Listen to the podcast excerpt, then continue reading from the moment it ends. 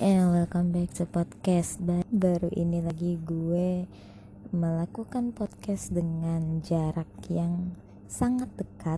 Cuman beda 2 atau 3 hari ya kemarin ya Dari podcast yang terakhir. Em, Kalau emang lo lagi denger ada suara-suara kayak binatang yang lagi ngorok itu adik gue.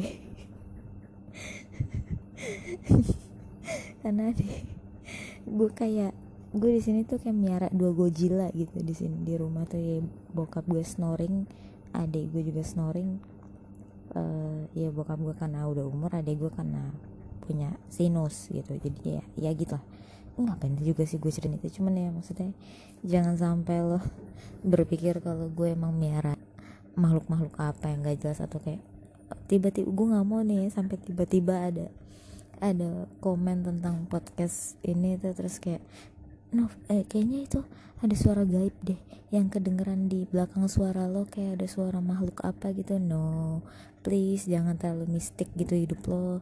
Jadi santai slow itu memang uh, makhluk yang ada tinggal yang tinggal sama gue ya ada yang bokap gue suaranya. Snoringnya emang segawat itu. Well um, uh, gue sebenarnya mau ngebawa podcast ini ke mana gue bingung ya karena mungkin bisa gue buka dengan hey apa kabar eh, rupiah hari ini? Gila lo kalau lo kalau lihat angkanya ngeri sengeri itu Eh, terakhir gue ngeliat di eh, waktu pas sebelum gue bikin podcast yang sebelum ini itu masih 15.000 sekian. Eh, gue sampai cancel pembayaran dulu karena emang separah itu. Jadi eh, dari lonjakannya tuh lumayan ya. Cuman berapa hari lonjakannya bener-bener ini hampir 2000 men dari minggu kemarin tuh langsung hampir 2000 Eh, ya mungkin kalau yang ngerti ekonomi akan lebih bisa menjelaskan ini secara gamblang ya karena gue nggak ada basic ekonomi gue bodoh gue pandir. Jadi ya gue namanya gue modal sotoy doang ya. Tapi ya ya lo bisa lihat eh, ini akibat karena kepanikan dan eh, ya dan itu wajar. Eh, kepanikan karena si eh, almighty coronavirus covid-19 ini.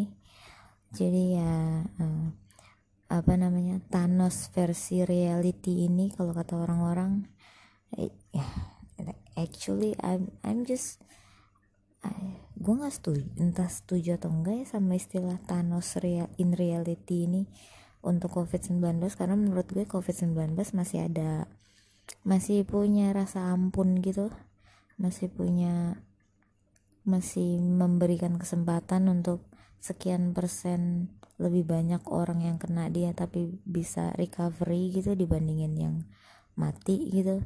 Ya mungkin kalau di RI ini masih lebih banyak yang mati dibanding yang sembuh ya karena untuk eh, masa inkubasinya lebih lama gitu ya kan terus em, spreadingnya lumayan cepet. Eh, balik lagi ya karena kesadaran kita yang kurang but balik lagi untuk untuk istilah-istilah itu ya ya ya you- you- lu bisa deal with apa pun gitu dengan istilah yang sesuai yang sesu, yang sesuai dengan eh, kepribadian lo lah. Ya gue nggak mau ngomongin itu lah ya. Intinya adalah eh corona dan kepanikannya ini benar-benar bikin kita tumbang. Um, actually gue udah seminggu ini kerja di kantor udah nggak produktif. Bukan nggak produktif ya udah nggak kondusif. Boro-boro produktif ya ya apa yang mau ol- apa yang mau lo olah gitu orderan gak ada gitu ya kan. Dan like I said dari semua corona dan dramanya ini yang paling gue takutkan adalah kelumpuhannya gitu. Dan ini serem banget sih menurut gue. Menurut gue lumpuhnya ini bukan uh, bukan because the virus per se ya tapi ya karena lu tahu gak sih bahwa kekeosan itu itu lebih membunuh gitu. Kalau lo mau tahu lo ya mungkin mungkin ya mungkin ya. Kalau uh, buat beberapa orang yang masih bisa work from home kayak ya lo guru gitu yang yang berhubungan dengan pendidikan yang berhubungan dengan uh, gue rasa marketplace pun juga akan turun nih karena um, eh kayak yang kita tahu ini gue uh, tapping di tanggal 21 pagi. Uh, kita tahu bahwa gubernur uh, DKI Jakarta tempat gue tinggal gubernurnya sudah mengeluarkan uh, gue nggak tahu ini kayaknya ini bukan himbauan lagi tapi udah uh, perintah untuk menghentikan kegiatan untuk perkantoran kegiatan usaha udah mulai dihentikan. Uh, dan gue nggak tahu bagaimana pemerintah bisa mengcover. Lo tau gak sih bahwa Jakarta itu pusat gitu? Hah? paham gak sih? Lu lu mungkin berpikir bahwa well oke okay, Indonesia punya ribuan pulau ya uh, apa nggak cuman Jakarta doang. Jakarta di lockdown aja. Uh, daerah lain gak usah. Yang penting Jakarta dulu karena virusnya adanya di Jakarta. Men bukan itu yang dipermasalahkan uh, pada persoalan lockdown atau enggak lockdown ini gitu. But semua keputusan kebijakan uh, peredaran uang uh, pusat dari segala mobilitas pusat dari um, penghasilan. Lo suka nggak suka lo terima nggak terima itu dari Jakarta gitu. And then di saat pusat kota ini lu lu mungkin bisa lu mungkin bisa uh, ngomong bahwa itu China harus itu kayak China gitu uh, di Wuhan tuh langsung di lock apa segala macam lu tau gak sih Wuhan itu kota kota apa gitu? Lu tau gak sih posisi Wuhan di negara Cina itu apa? Lu paham gak sih? Lu tau nggak uh, ibu kotanya China itu apa? Bukan Wuhan men. So gue sampai sekarang tuh suka lucu gitu kalau orang ngerasa bahwa komentarnya dia tuh bakal didengar sama negara gitu. Di mana lu posisinya bukan seorang ahli lu posisinya bukan seorang statistik. Lu posisinya bukan um, seorang pakar atau peneliti apa yang lo pernah menciptakan satu rumusan apa. Lo belum pernah uh, bahkan mungkin melihat persoalan aja lo salah-salah terus gitu. And then and then lo bikin bikin uh, apa namanya chaos gitu ya kan. Bikin chaos orang-orang gitu kan dengan pemikiran lo ini harus lockdown ini harus lockdown. I I know lu panik gitu. Gede gue juga panik lah. Ya, emang siapa yang nggak takut sakit gitu. Tapi can you just imagine just only for five minutes gitu kalau emang perekonomian blek berhenti. Eh men gak usah lockdown 14 hari ya. Ya mungkin like uh, some people like you gitu yang yang mungkin ya gue nggak tahu sih asal duit lo dari mana ya mungkin lo pesugihan.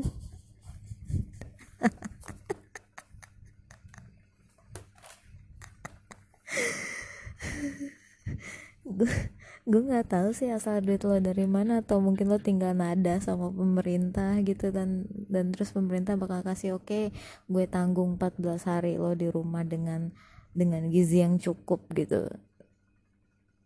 Come on.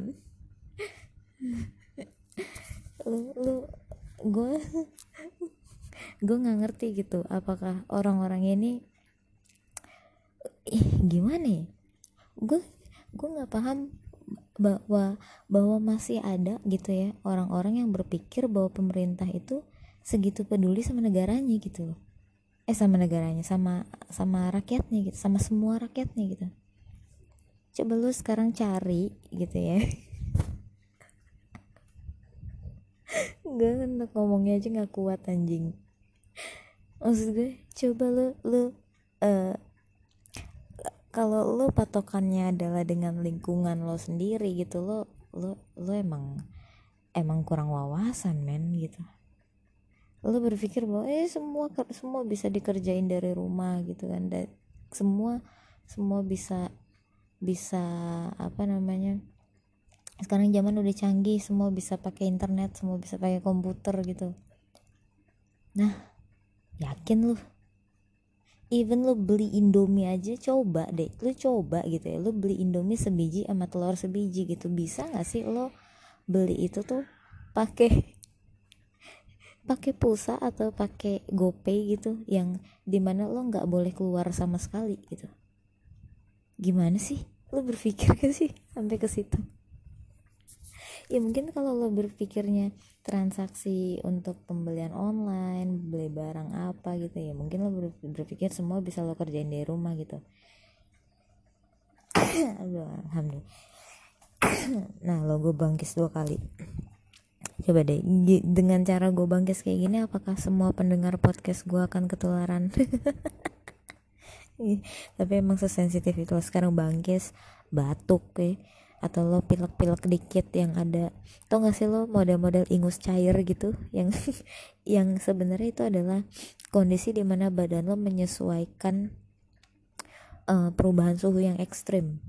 Dari panas ke dingin gitu lo pasti uh, beberapa orang ya lot lot bahkan gitu lot of people itu yang yang ngalamin bahwa uh, kelenjar di hidung mereka itu uh, cara mereka cara kelenjar di hidung mereka itu uh, untuk bikin imun mereka naik itu ya dengan dengan mengeluarkan lendir mengeluarkan ingus gitu. Dan dan it's a normal thing dan itu akan menjadi sangat sensitif banget buat beberapa bulan ini. Karena ya ya lo akan akan ya, ya apakah apakah dia suspek gitu?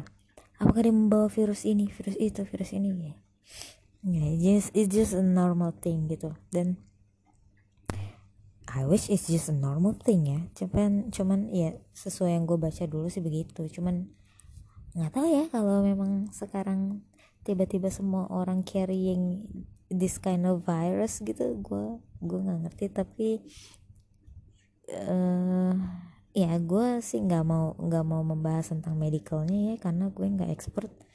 Tapi ya gue mau sotoy mau sotoy soal uh, uh, kondisi uh, kehidupan kita setelah ini gitu.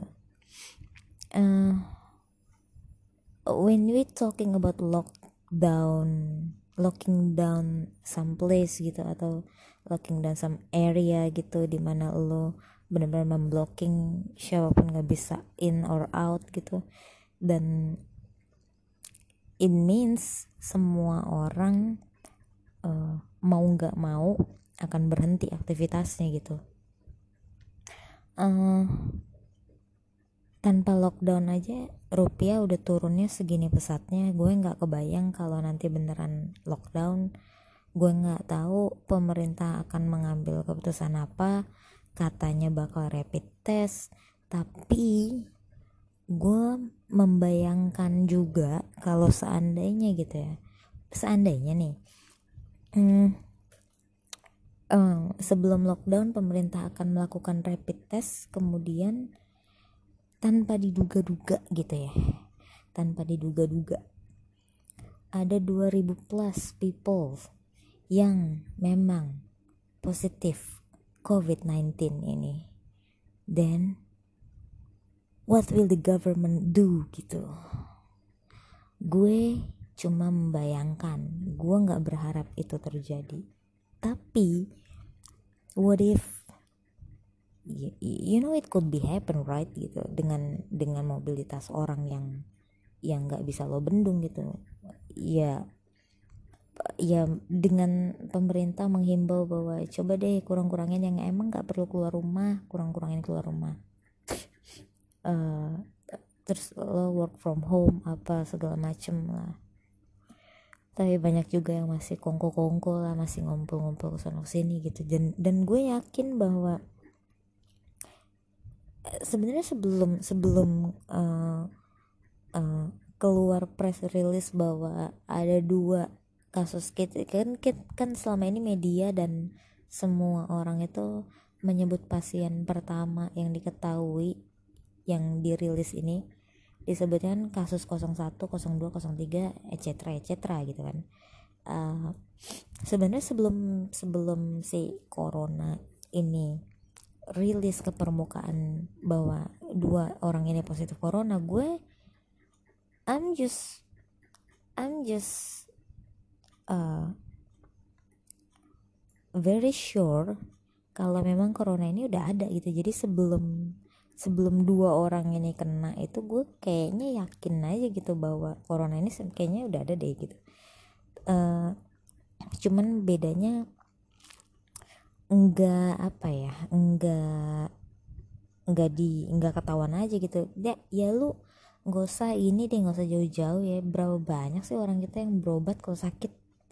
Lebih banyak lebih banyak mana yang nggak berobat sama yang berobat gitu even gue usah sakit flu ya bahkan lo tahu gitu uh, bahwa lo udah kena mah berkali-kali yang sampai melilit dan bahkan lo masih nggak masih nggak mau ke dokter itu berapa banyak orang yang kayak gitu gitu yang tumbang karena cuma asam lambung yang harusnya mereka udah dari mereka tumbang awal atau mereka ngerasain perut gak enak aja harusnya mereka berobat gitu kan.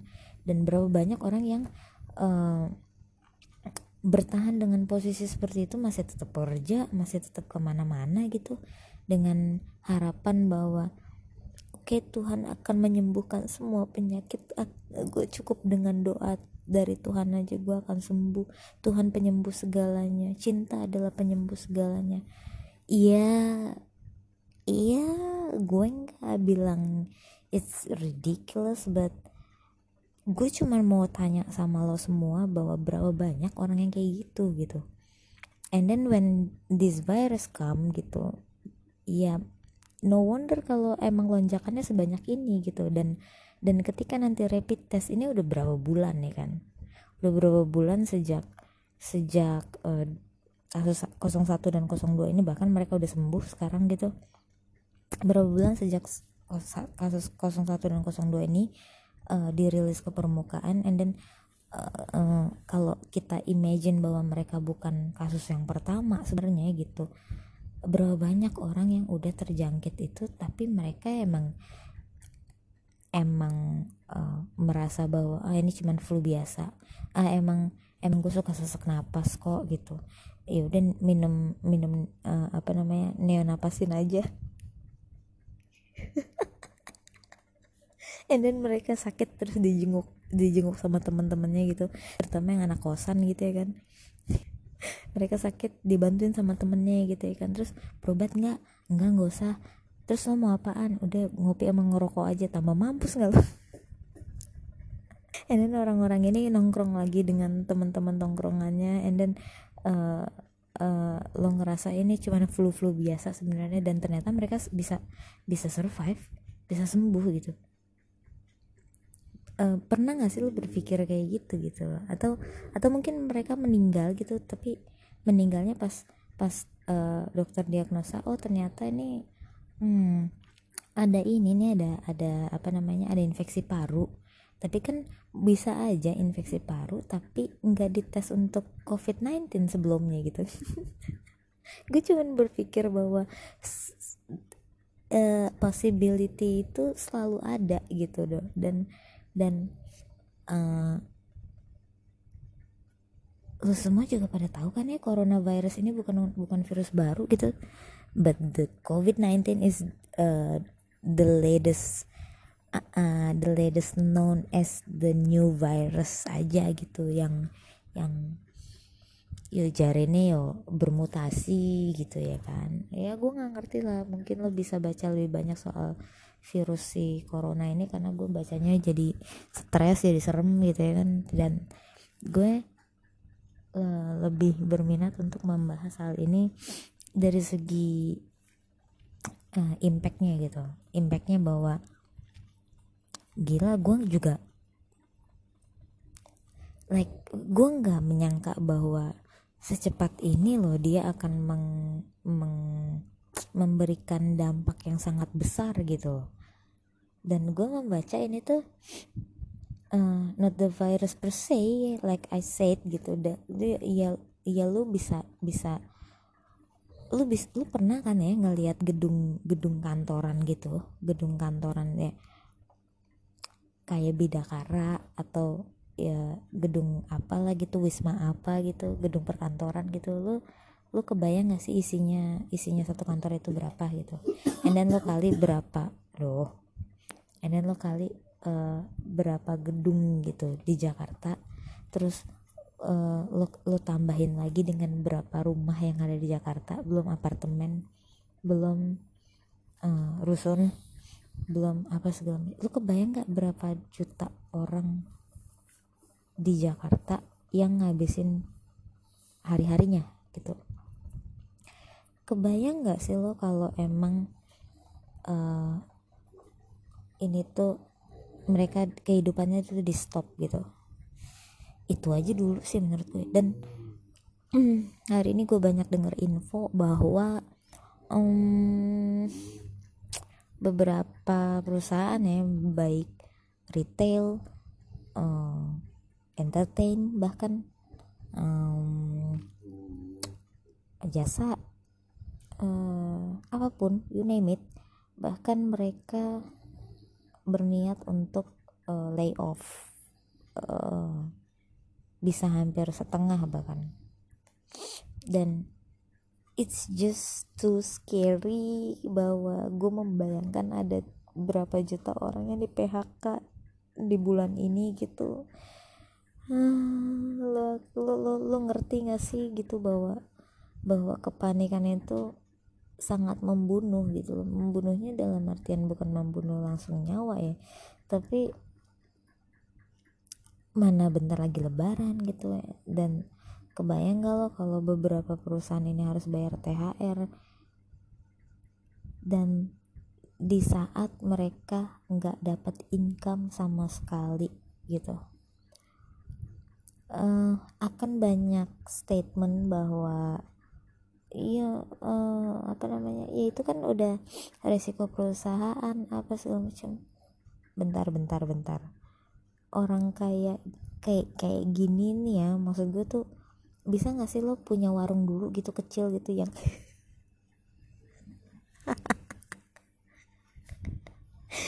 yang lu cuman jualan sabun sampo beras telur indomie gitu loh sama rokok. Bisa nggak lo?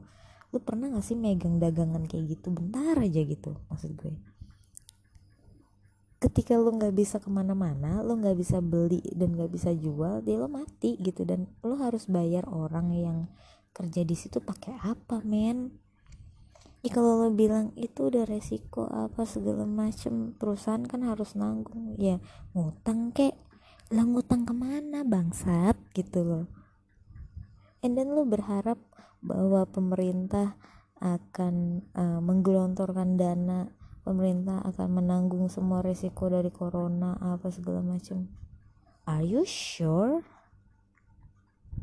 Dan sejak kapan gitu loh uh, apa namanya warga kita nih bener-bener se percaya itu sama pemerintahnya nggak usah jauh-jauh deh. Sekarang gini aja. Misalkan lo kemalingan kemalingan handphone lah gitu nggak usah jauh-jauh. Gue tanya sama lo berapa persen dari 100 orang di Indonesia atau di Jakarta lah yang kemalingan handphone? Harga 2 juta deh. Xiaomi lah gitu. Berapa banyak orang dari 100 orang yang kehilangan handphone Xiaomi seharga 2 juta berapa banyak orang yang mau ngelaporin ke polisi. Tanpa lo tahu malingnya siapa. Berapa banyak? Nggak ada. Mungkin ya satu banding seratus dan itu tuh kayak yang dia masih idealis banget gitu bahwa oh, polisi kan tugasnya uh, mencari eh, apa namanya men, me, apa namanya mengayomi masyarakat gitu melayani masyarakat. Ya kalau misalnya saya kemalingan saya harus lapor polisi gitu.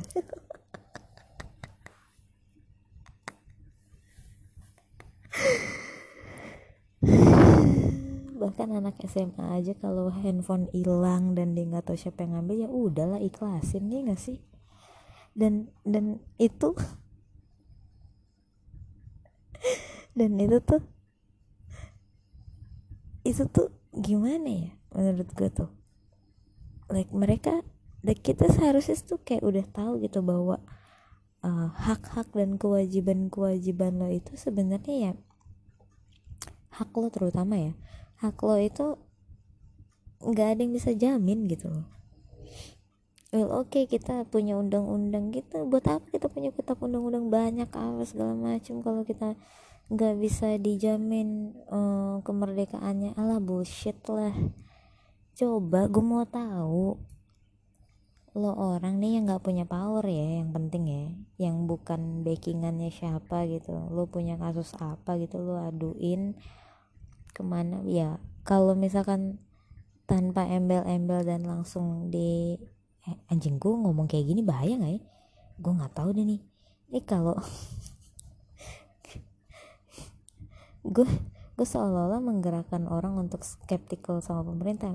Tapi ya ya gimana ya maksud gue emang lo seyakin itu ya pemerintah kita punya dana untuk menggelontorkan kepada sekian juta perut orang Jakarta gitu? Nggak usah ngomongin yang lain deh. Bahkan gue hari ini denger Bogor udah berapa Bandung kena berapa Bekasi juga udah yang ada yang kena kemudian di Tangerang. Kalau nggak salah nggak ada ke Tangerang sih. Kemarin gue dapet denger info di daerah Kalideres.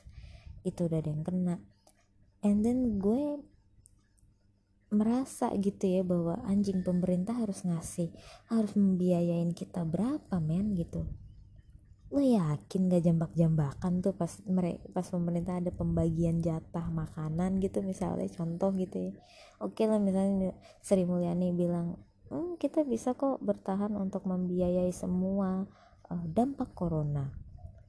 Gue rasa tuh yang dibiayain cuma yang positif corona dan yang miskin gitu loh. Gue gue tadi sempet ngobrol sama sama sama orang gitu ya maksudnya balik-balik lagi yang akan paling tersiksa itu kalangan menengah sih. Kalangan menengah itu uh, lagi-lagi kalangan yang emang harus survive jadi gimana ya? Kalau ibarat kasar nih kalau kalau lo kalangan menengah tuh bener-bener digampar abis-abisan gitu di di era era global yang gila-gilaan ini. Um, kalau misalkan lo bilang ini ya harusnya itu um, ngebantu orang yang yang kaya harusnya ngebantu yang miskin gitu. Uh, terus apa namanya pemerintah harusnya mengut mengutamakan rakyat miskin kayak gitu gitu terus penggolongan gue sampai sekarang juga masih nggak ngerti sih kategori rakyat miskin rakyat yang berpenghasilan berapa yang dibilang miskin. And then um, apa kalangan menengah itu yang mana kalangan atas itu yang mana belum uh, berjuisnya yang mana gue masih nggak ngerti ya. Uh, maksud gue kategori uh, dari kacamata pemerintah gitu dalam dalam hal klasifikasi uh, masyarakat ini gitu. Cuman gue berpikir bahwa ketika pemerintah memberikan subsidi atau bantuan dalam bentuk apa pun gitu pasti yang disasar duluan adalah rakyat miskin gitu kan. Rakyat yang dalam kategori kacamata pemerintahan itu miskin gitu yang yang yang bagaimana gitu loh. And then uh, dengan kondisi yang sekarang gitu yang yang kerja kerja kantoran yang ibarat kasarnya masih dianggap tanda kutip masih punya penghasilan gitu ya kan. Padahal uh, kebutuhan hidupnya juga ya ya sama-sama aja gitu. Ya kalau dia bilang kalau dibilang iya yang penting rakyat miskin dulu karena rakyat miskin gak bisa bergerak nih UMKM gak bergerak gitu ya. Yang kayak gitu gitu but lo masih menurut gue ini kacamata gue secara gampang gitu kalau kayak lo usaha sayur atau bahan pangan gitu ya mungkin lo masih bisa bergerak karena semua orang membutuhkan itu gitu. Temen ketika lo punya uh, lo bergerak di bidang usaha yang uh, selain itu gitu. Misalnya lo bergerak di bidang usaha apa jasa apa segala macam tapi lo masih hitungannya menengah gitu itu lo mampus pasti gitu. Jadi gue gue ngebayangin gue memposisikan bahwa gue oke okay lah gue nggak mau melihat diri gue sebagai sebagai rakyat yang uh, yang berhak mendapatkan subsidi gitu ya. Karena terus terang it's just it's just uh, menyedihkan aja buat gue untuk untuk um, apa namanya menerima sumbangan secara cuma-cuma kayak gitu gitu. Like like I'm not growing up with that kind of uh, mindset gitu bahwa apa yang lo dapet itu ya hak lo aja gitu. Bagus-bagus kalau lo dikasih gitu. Gue nggak tumbuh dengan mindset seperti itu gitu. But yang kayak selalu gue bilang gitu kalangan menengah itu selalu berada di posisi bahwa kalau ke sini uh, eh, gue bob seolah-olah bobrok mentalnya tapi kalau nggak ke sini ya gue mampus gitu loh. Gue mati gue nggak bisa bergerak nih. Gue harus bergerak di bidang apa gitu. Atau kalau misalkan si kalangan menengah itu ini misalkan menyingkir sedikit bukan menyingkir sedikit ya atau kalau lo bilang eh asalkan lo kreatif kita pasti akan bisa hidup gitu ya kan. And then ketika lo uh, berbelok ke bidang yang lain lu ngambil lu ngambil apa namanya rezeki di bidang yang lain dan lu disorakin bahwa woi lu ngambil rezeki orang men. Lu harusnya tuh eh, nggak uh, rakus. Lu kan punya gini gini gini gini. Lu harusnya kan lu selama ini kan punya penghasilan. Coba deh lu selama berapa bulan nih ngerasain seperti rakyat miskin. Anjing sih kalau sampai kayak gitu. Iya gak sih? Lu lu kebayang gak sih kalau kalau kalangan menengah ini gitu ya kalangan yang gue nggak bilang menengah ini dalam artian mereka mampu menghidupi uh, dalam over kecukupan ya enggak ya. Cuman menengah itu yang yang gue bilang tadi gitu yang kategorinya ini apa ya gitu loh. Kayak uh, mereka mereka ini kerja di bidang A gitu ya cuman uh, gaulnya jadi sedikit menyerempet ke atas tapi belum atas banget gitu ya. Terus uh, makannya sih biasa-biasa aja kehidupan sehari-harinya biasa-biasa aja. Cuman ya karena dia bergerak di bidang ini gitu jadi kebutuhan dia untuk menyokong pendapatan dia uh, untuk terus berjalan ini mengharuskan dia mengeluarkan sekian ya dia harus keluarin sekian dong untuk bisa tetap berjalan gitu ya kan. Dan ketika dia uh, nggak pakai ini nggak pakai bidang dia yang sebelumnya untuk cari uang dan cari di bidang yang lain ya iya pasti akan disorakin sama orang-orang yang punya bidang itu. Paham gak sih maksud gue gitu? Jadi jadi ya gue memikirkan uh, nasib ya termasuk gue di sini gitu loh yang gue membayangkan bahwa ini akan menjadi apokaliptik gitu yang yang emang bisa ya kita survive tanpa kita menghasilkan apa pun gitu? Gue rasa enggak. Gue rasa gue rasa um, untuk sangat jauh banget sampai pemerintah bisa memutuskan bahwa oke okay, kita lockdown. Menurut gue ini ya karena gue cuma membayangkan kalau rupiah menyentuh 17 ribu bahkan 18 ribu gitu. Well man we already dead. Believe me we already dead. With or without coronavirus we already dead gitu. Jadi um, gua gua gua gak gua gua asli gua nggak tahu gua nggak tahu mana yang terbaik. Apakah harus lockdown apakah enggak dan uh, I do believe that the government more than enough to knowing this kind of topics gitu because they are uh, doing this like every single day gitu. Mereka pasti udah banyak perdebatan mereka pasti udah berantem berantem di atas sana kita aja nggak tahu. Dan kita cuman uh, bilang bahwa mereka telat bergerak mereka ini mereka itu gue percaya bahwa mereka saat ini juga nggak bisa tidur untuk memikirkan hal ini gitu. Dan dan bukan karena mereka mau lambat tapi mereka memang harus memikirkan ini secara matang gitu. Dan aduh gue nggak tahu lah ya. Iya lo berpikir aja kalau emang at least at least um, 10,000 people positif gitu loh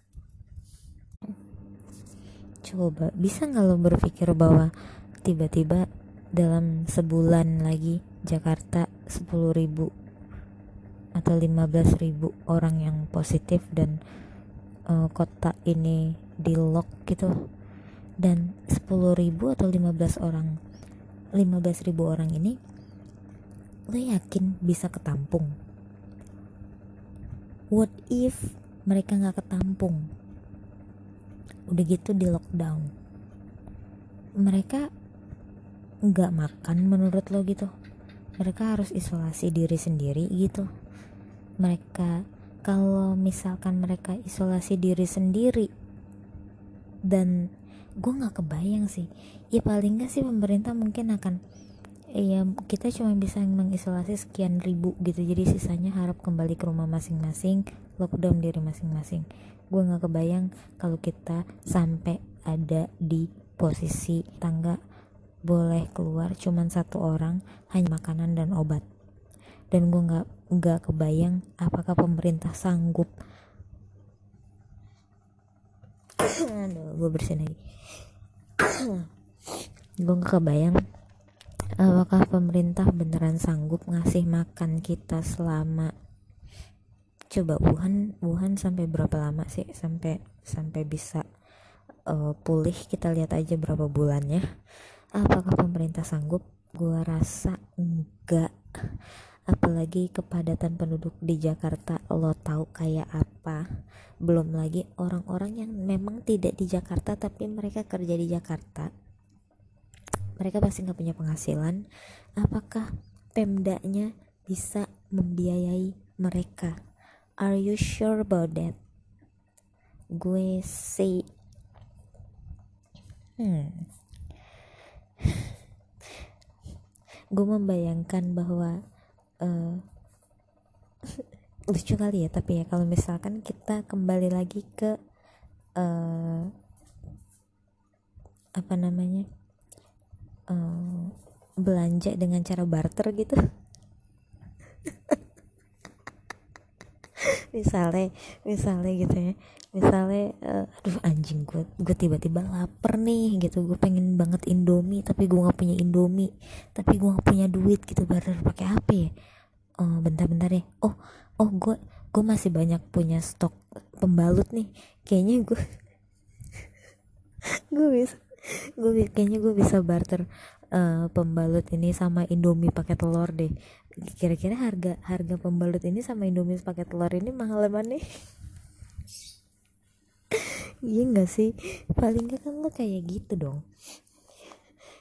Kalau kalau semua orang nggak punya duit gitu loh dan dan iya emang lo yakin gitu pemerintah? Gue aja nggak yakin ya nggak usah nggak usah satu satu Jakarta ya. Satu RW aja. Gue nggak yakin Pemda mau ngeluarin duit segitu gitu dan uh, gila sih. Kalau sampai pemerintah pusat sampai harus menggelontorkan berapa triliun anjing gitu buat sekian bulan ke depan kalau emang bener-bener di lockdown. Uh, eh, gue nggak ngerti sih. Um, gue nggak ngerti pemerintah akan ambil jalur apa tapi yang gue mau tahu andai kata lo pemangku jabatan pemerintahan pusat. Gue mau tahu sih apa aja yang bakalan lo putusin kebijakannya? Um, apa aja yang akan lo ambil kebijakannya? Kalau karena gue kayak selalu iya lo tau lah gue selalu berandai-andai bahwa bahwa kalau andai gue pemerintahan gue pasti akan membuat kebijakan begini begini begini gitu. Tapi untuk kasus kali ini gue bener-bener nggak tahu mana yang mana yang terbaik sih. Demi apa pun gue nggak tahu mana yang terbaik. Tapi gue rasa gue rasa nih ya gue rasa sampai sekarang sampai sekarang gue meyakini bahwa uh, tingkat kesembuhan corona itu ya probabil pro, probabil probability-nya tuh masih ada gitu tingkat kesembuhannya. Uh, tapi kalau ketika lo nggak ada duit probil probability lo untuk mati itu gede gitu. Tiga bulan lo nggak punya duit mampus sih. Mampus sih gue nggak kebayang. Dan gue rasa kalau gue jadi Jokowi gue mendingan ya udahlah ya udahlah mau nggak mau kita harus deal with this virus gitu. Ya paling nggak paling nggak ya lihat aja kayak siapa siapa yang kuat aja gitu. Dan dan gue dan gue berpikir gitu ya kalau memang corona ini bisa gue atur gitu siapa-siapa aja yang bisa gue kenain gitu. Gue rasa gue tahu deh siapa-siapa aja orang yang bisa gue kenain.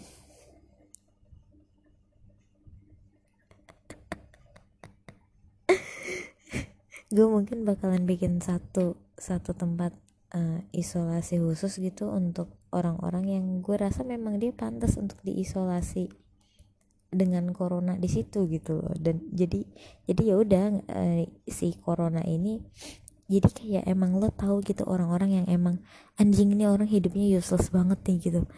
Ini orang kayak cuman bahkan lumut pun aja sangat berharga gitu. Ini orang lebih lebih lebih rendah dari lumut nih. Kan pasti ada orang-orang yang lo menganggap orang-orang ini tuh kayak gitu ya yang lebih rendah dari sekedar lumut gitu ya kan pasti kan ada aja kan orang-orang yang nilai hidupnya tuh kayak gitu gitu. Dan dan dan gue ngerasa bahwa kayaknya mendingan orang-orang kayak gini yang kena corona gitu. Jadi gue pungutin gitu ya ini orang-orang nih yang anjing nih orang nggak nggak ada gunanya banget di hidup gitu. Bahkan untuk menyenangkan hati orang lain aja dia nggak bisa gitu. Udah lalu sini aja lagi ikut sama gue gue isolasi bareng corona gitu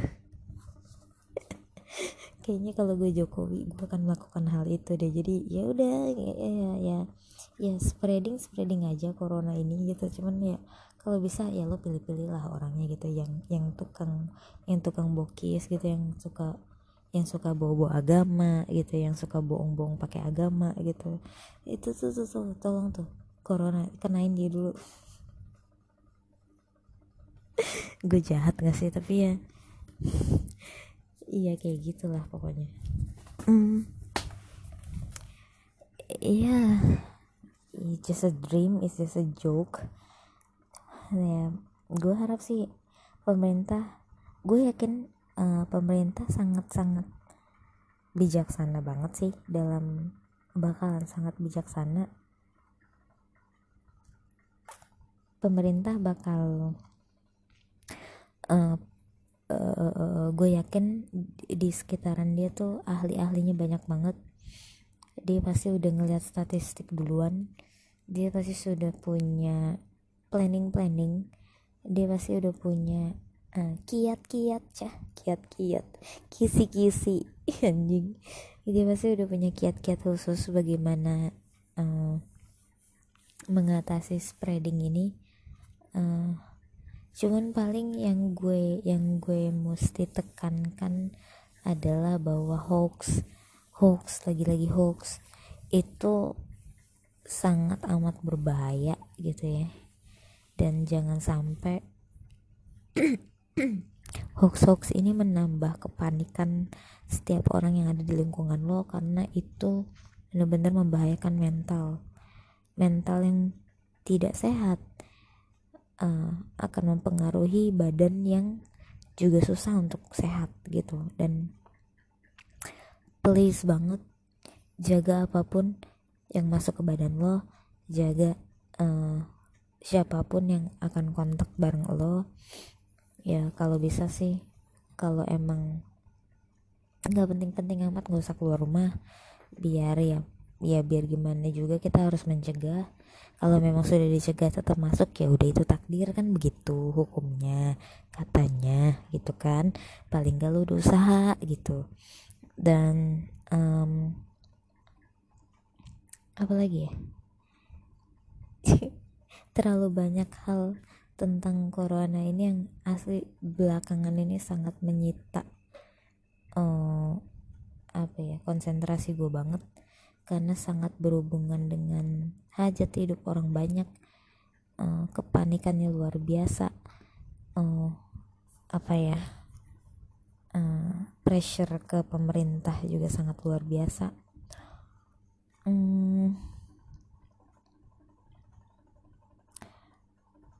uh, politik akan goyang uh, gak usah politik ya kehidupan bersosial pun sama. Uh, nanti akan gue gue udah memprediksi bahwa eh, anjing emang emang gue berasa kayak cenayang aja anjing.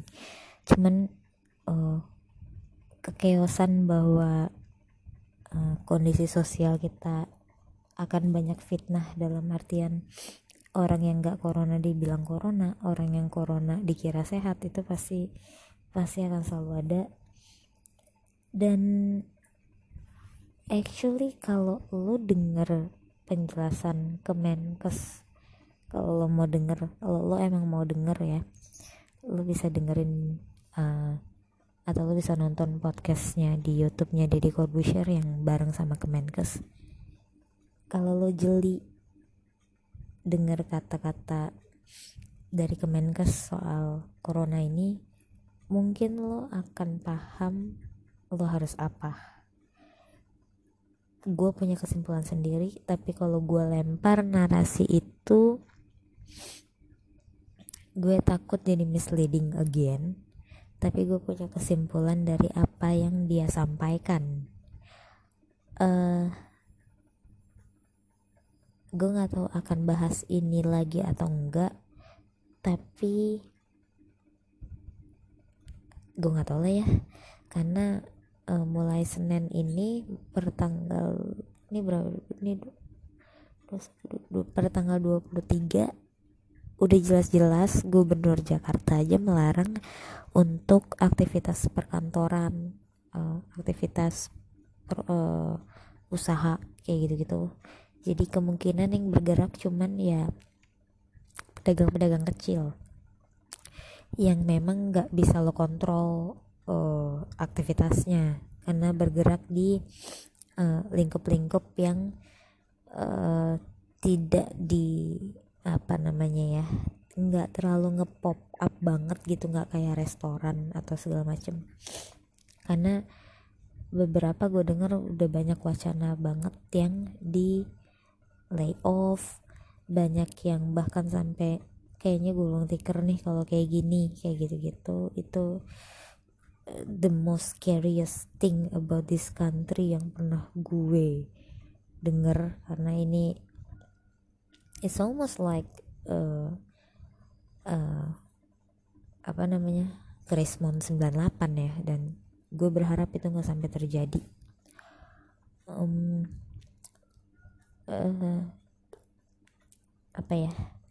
Pesan-pesan gue apa ya? Ya yaudah lah keep, keep just keep uh, just keep healthy just keep safe dan ya bagus-bagus kalau lo masih tetap mau dengerin podcast ini nanti-nantinya. Well buat uh, semua uh, sosial media gue lo bisa lihat di link yang ada di description uh, di bio maksud gue. Ya lo lihat aja di deskripsinya cuman actually gue nggak tahu ini mau di deskripsiin apa tapi ya gue pikirin dulu nantilah. Well oke okay, see you guys next on my ah uh, ya udahlah. See you guys on my next podcast. Bye